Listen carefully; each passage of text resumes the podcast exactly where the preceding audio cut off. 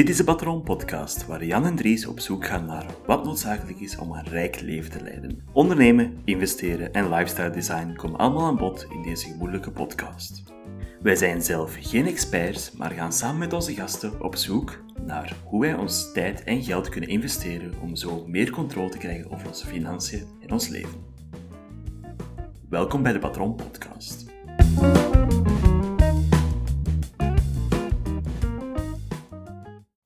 Goedenavond, dames en heren. Welkom bij een nieuwe aflevering van de Patron Podcast. En guess who's back? With a brand new track.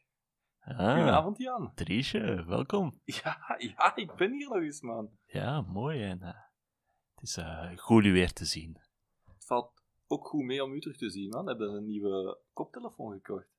Ah ja, Black Friday deals. Echt? Wel ja, het was eh, heel hard nodig. De vorige is volledig het vallen. Dus eh, investeringen in deze podcast, eh, zeer groot. Maar hij staat er perfect, man. En het is een goeie nog, want ik heb hetzelfde, denk ik, ook maar dan in het zwart. Is goed, want ik denk dat dat helpt als wij nog meer gasten zullen uitnodigen. Kan je er meer koptelefoon op aansluiten. Dan lijken we echt zo'n professioneel radiostudio waar we zeggen van, moeten we iets van materiaal nemen, meenemen? Nee, nee. We got it, we got you covered. Dus, eh, Yep, top. En ehm, maar ik heb even zeggen, Jan, ik, vond, ik heb dat echt genoten van de vorige twee episodes. Ik vond, het echt, Hey, ik vond het echt tof dat je zo je expertise naar voren kon schuiven. Dat is echt eh, leuk zo om eh, in tien minuutjes echt zoiets bij te leren. top. De twee mini-episodes die wij de wereld hebben ingestuurd. Ja, en zelfs op onregelmatige basis. Want er is eentje op woensdag ge- ingestuurd, eentje op maandag. Ja, Dus- ik, The sky is the limit. Yep, alles is mogelijk. Het was ook deels om eh, een gat op te vangen door technische mo- moeilijkheden. Maar eh, ja, daar werken we aan, aan een oplossing voor dat interview, om dat toch nog online te krijgen.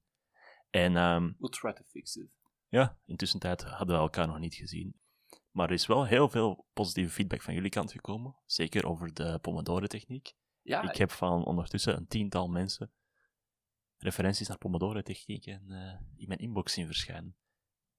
Deels door eh, ook naar jou gestuurd te zijn, maar stop dat mensen actie ondernemen en het positieve zien van de Pomodoro-techniek. Ja, ik heb er ook, eh, ik heb er ook een paar naar u doorgestuurd. Echt, luisteraars gebruiken echt de Pomodoro-techniek. En eh, ja, ik zeg het, ik gebruik hem ook meer en meer nu ik thuis aan het werken ben. Dat is echt Een grote hulp. een grote hulp. Echt gewoon om even een freelance opdracht af te werken, even een pagina af te schrijven. Dat is echt zo gemakkelijk. En zo motiverend om verder te doen. Ik moet nu wel eerlijk toegeven, over de Pomodoro. Bij mij werkt hij vooral als ik thuis alleen zit en ik op kantoor zit. Is dat een iets moeilijker... eh, Oh, ja, ja. Maar inderdaad, je hebt ook... eh, het is vaak moeilijker uit te leggen aan andere mensen van... Nee, nee, ik wil 25 minuten ongestoord doorwerken. En dan kunnen wij 5 minuten babbelen. Ja. Dus eh, het is inderdaad, die, die grens ligt een pak verder als je, voor het te bereiken, als je op kantoor zit. Ik denk dat het ook hetzelfde is als je met kinderen thuis zit of zo, dat het misschien iets moeilijker uit te leggen is aan je kinderen van, nee, nee, ik kan 25 minuten lang niet gestoord worden, dan kan ik 5 minuten u spelen. Maar het is wel hoe dat je veel dingen gedaan krijgt natuurlijk, dus het is niet altijd de gemakkelijkste manier, maar het is helpvol. Zeker, zeker. En ja, het was vandaag ook niet zo heel gemakkelijk dat ik naar hier ben gekomen, want eh, ja, toch, dat heeft... ik heb mezelf een beetje party gespeeld ook vandaag, eh, want ik was mijn sleutels vergeten. Het werk ben ik, en ik merk dat pas toen ik hier aankwam, moest ik terug de trein pakken om terug naar Mechelen te gaan en met een beetje omwegen ben ik hier terug eh, toch in Antwerpen terechtgekomen. Welkom. Dank je, ja, dank je wel. Allemaal via de trein. Want Jan, moet, moet u een geheim vertellen dat je waarschijnlijk al weet, maar ik heb geen rijbewijs. Ik wist dat het ging komen. Ik vind het ook perfect dat wij, we hadden niet afgesproken, maar op het moment eh, spreken we gewoon dezelfde zin uit. eh. Het grappige is dat ik zelf ondertussen acht jaar een rijbewijs heb. en dat weten we jou schelen. En jij twee jaar ouder bent als mij. Ja. Zoiets, Dus ja. eh, inderdaad, no shaming voor mensen die geen eh, rijbewijs hebben. Het is niet altijd even gemakkelijk voor dat te leren. ja, ja. Of je kunt gewoon... eh, Nee, maar het is vaak ook bijvoorbeeld, stel als je, je ouders geen wagen hebben, want ze wonen in de stad of dergelijke. En je hebt het gewoon nooit nodig, is er ook heel weinig motivatie voor een rijbewijs te behalen. Ik kom meer van een plattelandsomgeving, waar dat een auto iets meer vrijheid geeft. Momenteel ook in de stad, en daarom bewust die keuze gemaakt voor geen auto te hebben. Hm. ja, bij mij hetzelfde de background eigenlijk een beetje ook. Dus ja, ik kom ook van eh, de, niet de meest levende gemeente aller tijden. Bruisend. Bruisend, alles behalve. Maar we hadden wel een treinstation en daardoor echt... Je had een treinstation Ja. in Vlaanderen. Ja, ik verschiet... Ja, mensen die nu van Herentaal, van Vorselaar aan het luisteren zijn, of van Grabbendonk. Ja, ja, in Bouwel hebben wij een treinstation. En daardoor echt nooit... De helft van zijn luisteraars beledigd ondertussen. Waarschijnlijk, ja. Ik vermoed dat er wel eh, redelijk veel mensen van die gemeentes aan het luisteren zijn. Stout, stout. Maar eh, ja, we- dat, dat is wel hetgeen waar we vandaag over wouden hebben, was over de bewuste keuze van geen wagen te hebben. En ook de financiële implicaties. De financiële implicaties komen volledig op het einde. Heb ik eens uitgerekend wat dat op tijd van een hele carrière kan betekenen. Dus eh, blijf zeker luisteren. Ja, ik ben nu wel benieuwd naar die berekeningen, want ik, Want jij hebt ze niet gedaan. ik heb ze niet gedaan. Ja, berekeningen komen nu van deze kant van de tafel dan ook. eh. Maar ik ben op dat vlak een vrij nerd. Ik speel graag met Excel-sheets en eh, dergelijke. Dus Dan heb ik misschien nog straks een opdracht voor jou, want ik heb nog een paar eh, Excel-sheets met formules nodig. Dus, eh. oké, eh, we zien wel. Maar Allereerst, mijn grootste reden, en misschien net wel interessant is, is om te weten waarom ik niet graag een auto zou rijden. Of waarom ik geen rijbewijs ooit gehaald heb. Want je kunt er draaien of keren zoals, je- zoals je wilt. Jan, jij woont nu in Antwerpen. Je zult hier wel een paar keer met een auto gekomen zijn. Is het eigenlijk leuk om naar hier eh, met een auto te rijden? Want ik weet, van bij mij in het dorp tot hier is het één grote file. Dat Ja, het antwoord dat ik wou geven was om drie uur s'nachts. Is het fantastisch leuk om met de auto door. In de rest van de periode. Ik weet het niet. Het is nou, een auto. Dat is de reden dat ik wel een rijbewijs heb, is omdat dat op sommige momenten wel heel handig is. Als je, bijvoorbeeld toen ik dit appartement gekocht heb, voor op en af te rijden naar hier en met heel veel spullen in je auto te zetten, en dan moest ik minder afhankelijk zijn van andere mensen. Dus kon ik zelf naar ja, idiote dingen, maar like, dan een Brico, een Hubo, gaan naar de Gamma, naar de Ikea, alles wat je nodig had, dat kon ik allemaal zelf vrij gemakkelijk doen. Terwijl als je daar het openbaar vervoer in dat soort situaties is zeer pijnlijk. Ja, zeker. Ik- dat is een goede. Hey, dat is zo het enige tegenargument dat ik niet kan geven. Het is inderdaad, tijdens de verhuis heb ik ook. Mijn ouders hebben allebei, hey, allebei rijbewijs, maar die vonden dat wel een keer leuk om op het appartement te rijden dan en terug. Mhm. Maar op één- Maar dat is wel ook iets dat je inderdaad, we zeggen nu van, oké, je- ik heb enerzijds dat file argument waar je veel tijd mee verliest. Ja. Maar aan de andere kant is het- er zijn een hele hoop momenten dat het heel praktisch is een auto te hebben. Maar staat het voordeel van die praktische momenten ook gewoon in verhouding tot enerzijds de kostprijs en anderzijds inderdaad, vanaf je een auto hebt, ben je veel meer geneigd om die te gebruiken. Klopt. Dus ga je waarschijnlijk veel meer in de auto stappen voor naar je werk te gaan. Nee, inderdaad. eh, inderdaad. En allee, ik weet niet hoeveel tijd mensen gemiddeld verliezen, maar toen ik met de auto naar mijn werk ging, van mijn ouders thuis, verloor ik twee uur per dag in de auto. Naar, naar Brussel te gaan? Of, eh? Naar de luchthaven, ja. En er was geen uitzonderlijke dagen en heel veel vol- volk haalde nog veel ergere cijfers. Want ik had nog een beetje flexibiliteit wanneer ik vertrok en aankwam. Maar ja, er zijn, waren weinig dagen dat ik onder het anderhalf uur uitkwam. Het is gewoon anderhalf uur dat je echt verspild hebt. Mhm. Je vers, verspilt mijn sterretje, mijn asterix er een beetje achter. Want als je naar deze podcast aan het luisteren bent tijdens de autorit, Dan is Dan moet geen verspilling. Hè. dan Dat is dat alles verspilling. behalve een Dan verspilling. ben je eh, jezelf zo aan het verbeteren. Ja, klopt. Ik kan alleen Of maar... u kapot ontlachen met onze eh, idiote referenties. Waarschijnlijk de laatste voor een groot deel, maar ook een beetje met, de, met dat eerste natuurlijk. het is dat, en allee, dat is wel een goed punt voor aan te halen, want dit zit zelfs nog niet in alle andere berekeningen die we zelfs gaan aanhalen, maar de tijdswinst die je kan doen op het openbaar vervoer door andere dingen te doen. Al is het maar gewoon, in mijn geval soms, s ochtends in een trein gewoon slapen. Snap ik. Eh, Dat is een half uur gewonnen. en val je? Pre-corona kon ik eh, ook gewoon ontbijten op de trein. Dat is pas een half uur gewonnen. gewoon rustig op het gemakje eten. Ja, Zeker als je wel plek hebt 's ochtends, kan je doen wat je wilt. Nu met een mondmasker is dat iets moeilijker. Laten we daar eerlijk in zijn. eh, ik kan er heel eerlijk in zijn, dat is een beetje lastig zelfs. Ik heb dat zo af en toe, ik moet eerlijk zijn, ik ben juist naar de McDo geweest, omdat ik, ja, lastig om naar hier te komen. rap even iets gaan halen voor te eten, maar zo'n chicken wing onder je masker, ja, ja. maar zo'n chicken wing onder je masker steken. Er zijn Leukere dingen. Ja, nou, leuk, leuker dingen. Ik heb meer draad gegeten nu dan, dan chicken wing eigenlijk. Hm, lekker zo'n mondmasker. Eh, anyway, daar ging het wel niet volledig over. Maar, een maar ja, dat zijn wel de dingen die, die ik ook gewoon. Wel, inderdaad, simpele dingen gelijk boeken lezen. Ik eh, freelance bijvoorbeeld ook voor een hele tijd. De gewone krant lezen Ja. onderweg. Naar muziek luisteren. Of gewoon wat half liggen snoezen. In de wagon. Allemaal perfect mogelijk. Dus dat zijn wel dingen die we zelfs verder op niet hebben overgenomen. Maar we hebben een paar onderzoeken gevonden. En dat is eigenlijk het startpunt geweest van waarom dat jij dit op de agenda wou. Ja, ik, ik nog altijd... Ik krijg nog altijd de vraag van, allee gast, voor wat je geen, eh geen rijbewijs. Maar er is een verschil tussen geen rijbewijs hebben en geen auto. Ja, maar nu kan ik zo aan een, een podcast sturen van de gasten hier 40 minuten aan waarom ik geen auto heb. Skip de eerste 20 minuten, maar eh, Het zullen geen 40 minuten worden normaal gezien. Tenzij dat je hier nog heel eh, zware verhalen gaat bovenhalen. ah, die komen misschien nog eh, over mijn apple. Verbaas me. Ja, misschien dat ze zelfs spontaan uit komen. Je ziet dat nooit. Eh, nee, maar er zijn zo'n paar onderzoeken dat zeggen van waarom dat misschien niet altijd even interessant is om met de wagen rond te rijden. Want Jan, als ik u gewoon een keer zou vragen, hoeveel denkt jij dat gaat kosten om een maand lang met een auto te rijden? Ja, ik, Wat denkt u dan? ik zeg altijd een bedrag en ik krijg daar heel veel commentaar op. En eh, Ja, ik zeg altijd tussen de 400 en de 500 euro per maand ben je kwijt aan een auto.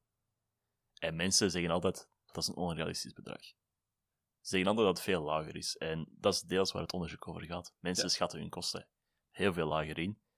Mijn logica was gewoon puur uitleggen, stel dat uw wagen 2000 euro per jaar minder waard wordt, wat niet onrealistisch is. ja, Zeker een, een wagen van 20.000 euro die volledig afgeschreven wordt op 10 jaar tijd, is vrij vaak voorkomend. Daarnaast, ja, gewoon onderhoudskosten kan gemakkelijk ook. Klein onderhoud, groot onderhoud. Hier en daar wat werkjes, eh, af en toe ergens tegenrijden. Moet allemaal op, aangepast worden. Nog eens 1000 euro. Uw taxen en verzekering nog eens 1000 euro. Heb je nog geen kilometer gereden Ja, eigenlijk. het telt altijd een hele tijd op. En je moet ook en dan zit je inderdaad 4.000, 5.000 euro per jaar, gemakkelijk. En je moet ook nog rekening rijden, de seconde dat je een auto aanschaft, verliest ook al een heel deel van zijn waarde. Ik dacht dat toch iets van 20% was in één keer. Dus als je een wagen van 20k koopt, eh probeer je dan maar een keer direct aan 20.000 euro verder verkopen. Zelfs dat niet, want je moet eerst zelfs die inschrijvingstaxen en dergelijke betalen. Dus je bent al meteen heel grote bedragen kwijt. Tenzij dat je momenteel in de elektrische varianten zit. Daar zitten momenteel denk ik de belastingen iets lager. Quoteren we ons daar niet op. Maar, maar dat is wel inderdaad, mensen schatten dat vaak heel raar in van ja, 400 euro. Is het bedrag dat door Beobank naar voren geschoven wordt. Ofwel over 400 euro, ofwel ongeveer een 33 cent per kilo, Ja. gereden kilometer. Gaat dus, ja, dus uw brandstof die je erin steekt, wat dan uw benzine of diesel is. En ja, verzekeringen en dergelijke gaat er allemaal in. En mensen denken daar vaak niet bij na, om- omdat verzekeringen zitten soms in een totaalverzekeringspakket en dat komt op een ander moment. En uw tankkaart komt op een ander moment en dergelijke. Dus uw rekeningen zijn verspreid over heel het jaar. En is het soms moeilijk voor te zien, oké, hoeveel verbruik ik echt, hoeveel kost mijn wagen mij echt. Ja, mensen staan er gewoon niet bij stil. En ik moet nu ook eerlijk toegeven, toen ik in het begin mijn rijbewijs niet haalde, toen ik 18 was, was deze, dat financiële aspect was bij mij niet de, de drijfveer om het niet te halen. Het was gewoon omdat, ja, ik wist dat ik naar een stad ging wonen. Ik dacht van, ja, ga ik, precies of ik ga een wagen nodig hebben om in de stad rond te Mhm. kunnen cruisen. Ik pak gewoon een, de fiets, de tram of... eh, Mhm. Wat wel belangrijk is, is voor aan te halen, oké, er zijn andere drijfveren voor het te doen, maar het is wel belangrijk dat je bij sommige dingen ook echt goede inschatting kan maken van wat zijn de financiële implicaties. Ik vind zelf persoonlijk, je mag eender welke beslissing in je leven maken, zolang dat je de financiële implicaties snapt. Jij mag zeggen van, ah, ik wil graag een gigantisch groot huis wonen, met 15 slaapkamers en dergelijke. twee jacuzzis. Twee jacuzzis minstens. Minstens. Ah ja, toch. Dat daar zijn we toch over eens, hè? Ja, zeker. Dat mag allemaal van mij, als je snapt wat de financiële implicaties zijn. Als je snapt wat dat uw belastingen daarop gaan zijn, wat uw verzekering daarop gaat zijn. Als je snapt, oké, dat zijn mijn maandlasten. Als ik snap van, ah, wat als, er, als ik mijn job verlies, wat als, wat als, wat als. Als je al die dingen in rekening brengt en achteraf maak je de conclusie, dat is het waard voor mij. Perfect, oké. By all means, go for it. Have fun.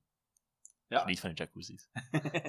en dat klinkt misschien een beetje saai, maar het is zo, zo belangrijk om inderdaad die afweging te maken van Mhm. dat je inderdaad niet in de schulden zet voor Want- op wielen. Want dat is het wel. En een van de dingen dat bijvoorbeeld in een ander onderzoek van de morgen naar voren kwam, was ja, 4 op de 10 Belgen denkt dat hun wagen tussen de 100 en de 200 euro per maand kost.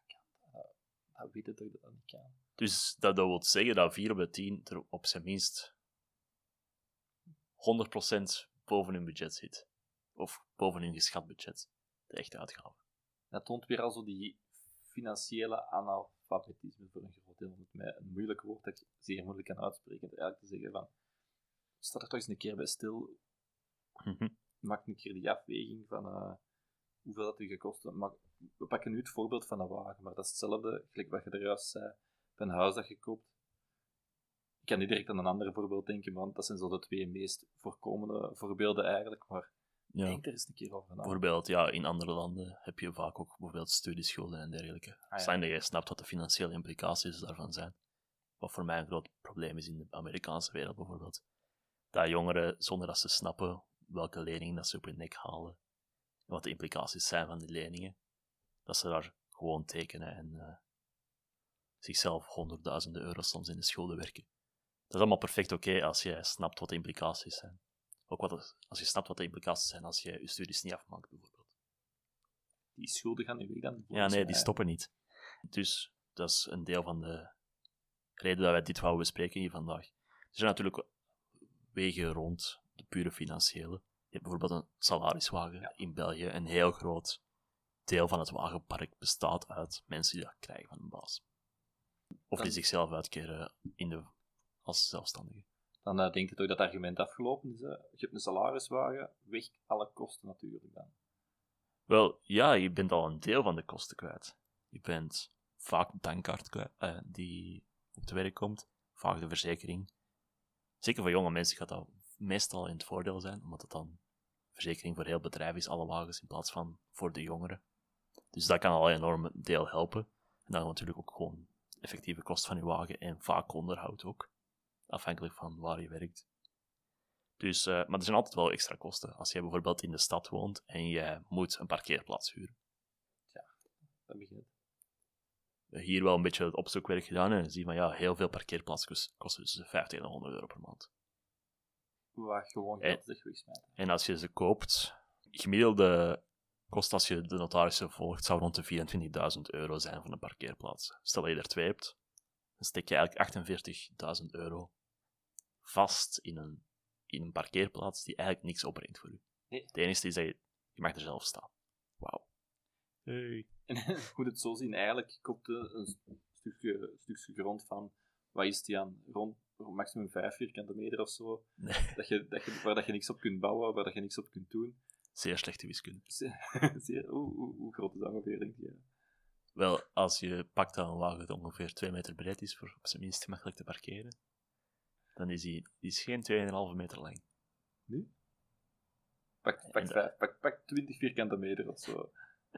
En die, nog, ja, het is inderdaad heel veel, heel veel geld dat inderdaad per... Dus eh, meer dan dat een eh, woning zelf per Ja. vierkante meter meestal kost. En het enige dat je, dat je kunt doen, is eigenlijk hopen dat er iemand na je lomp genoeg is om hetzelfde idee te hebben, waardoor dat je je stukje grond van eh 20 vierkante meter aan hem of haar kunt verder verplaatsen. Yep. Maar waarom?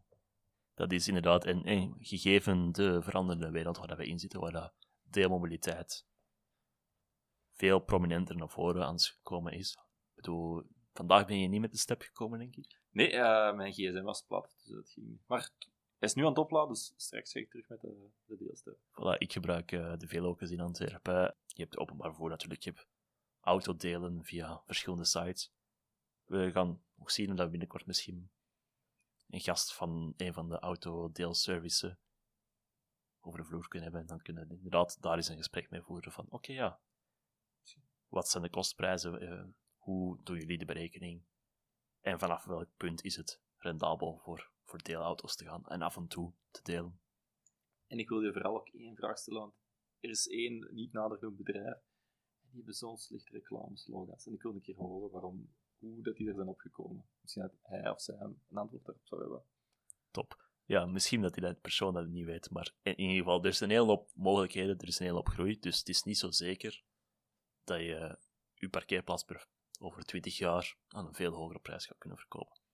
Terwijl als je inderdaad zo'n 48.000 euro nu voor twee parkeerplaatsen, als je die nu in een aandelenmarkt of zo kan steken, Klopt. ik ga ervan uit dat dat over 20 jaar meer waard is. Dan dat je het je parkeerplaatsen kan doorverkopen. Dat is mijn assumptie. Dat is geen financieel advies natuurlijk. Maar dat is wel iets waar je bij moet stilstaan. Je zou dat bijvoorbeeld in, eh, om het bruggetje te maken naar de vorige mini-episode, je zou dat in een ETF kunnen steken. Voilà, top. Dat zouden we allemaal kunnen. En dan zit er dus een hele hoop andere alternatieven dat je met dat geld kan doen in plaats van dat vast te zetten in een parkeerplaats. Ja. Wat ik ook nog wou zeggen is, als jij zelf een wagen hebt, moet je ook wel je reservefonds moet dan hoger liggen dan wanneer je geen wagen hebt. Ja, Als je beetje dezelfde omstandigheden blijft bewaren. Omdat een auto, daar kan een hele hoop dingen aan kapot gaan. Je kan een hele hoop onderhoud dat mogelijk de kop opsteekt. Dus niet alleen steek je misschien geld vast in een parkeerplaats, je moet ook nog geld vastzetten in je reservefonds waar je snel aan kan. Want mijn auto zit gemakkelijk ineens 500, 1000, 1500, soms 2000 euro aan kosten per garage. En ik ben niet handig genoeg voor het zelf aan te pakken. Ik weet niet of dat jij onder de motorkap eh, zou kunnen steken. maar- Ja, nou, ik kan misschien een motorkap met moeite open krijgen, maar daar, eh, daar ga ik het stoppen bij mij. Voilà, dus eh, het zou volledig moeten uitbesteed worden. Die mannen hun uren, al de reservestukken die nodig zijn. Dus dat is nog eens een bedrag dat je opzij moet zetten, waar je ook nog eens niet kan investeren. Eh, maar wat moest er nu gebeuren? Moest je het wel investeren. Ik heb eh, het eens in een compound calculator gestoken. Ik ben benieuwd. En ik zal eerst mijn assumpties vertellen, want dat is wel het belangrijkste natuurlijk. Je kan er één er wel in pompen, maar mijn initieel bedrag dat ik inleg is 15.000 euro, wat een kleine wagen is. Aankoopbedrag van een kleine wagen. Het is niet, eh, is niet overdreven, maar het is een Dat goede is, eerste wagen. dat is een assumptie natuurlijk. En dan, zoals ze zeggen, 400 euro per maand bij ingelegd in het fonds in plaats van in de wagen. Dat is mijn assumptie. Natuurlijk kun je zeggen van, ja, ik moet nog wel met openbaar vervoer betalen of dit of dat. Maar aan de andere kant, ik kan ook een duurdere wagen hebben van 500, 600 euro per maand. Dus aan zich zijn die assumpties niet zo uitzonderlijk. Een 8% rendement heb ik gezegd in de markt. Wat gemiddeld is, dat is niet uitzonderlijk, gegeven de afgelopen 50 jaar. Dat is een doenbaar rendement. Als je dat 45 jaar lang doet, kan je gokken hoeveel het eruit komt. Inleg 15k. Ik eh, ga... Ik ga het zeggen, Walter. Eh, Ga je het zeggen, wat? Het gaat rond de 600 à 700k zijn. Wel, de totale inleg die je zelf doet, dat is misschien al een goed ding, is 216.000 euro. Zie je, ik denk dat ik er niet veel Dus, dus dat is de inleg die je er zelf over heel die periode hebt gedaan. Natuurlijk, het compounding effect maakt dat je totaalbedrag 2,6 miljoen euro is. Wat? Oh ja. Hoe hard kon er naast? Oh ja, dat is vier keer zoveel dan ik dacht. eh. Ja, dus ja, het bedrag dat er hieruit gerold is, is 2.666.335 euro. fucking hell, wat, wat weer al de power van de compounding interest is en weer al een Ja. duidelijke drijver is om geen auto te kopen, eigenlijk. Ja, maar dat is wel iets waar dat je moet rekening mee houden van, ja, als je dat gewoon tijdens heel je werkende carrière nodeloos doet. En ik kan niet zeggen dat er nooit een goed moment is voor een wagen te hebben.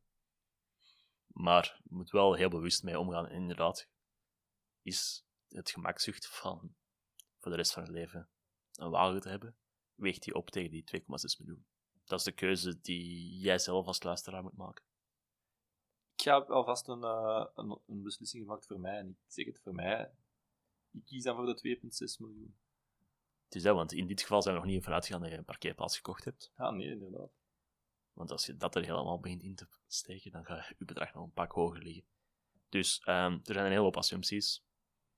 Je weet ook niet wat de markt gaat doen de komende 45 jaar. Hetzelfde geldt ligt het rendement hoger op de markt. Dus het is maar gewoon, wij willen die informatie delen en wij willen dus ook aanhalen van, ja, kijk, die past er echt mee op met een wagen.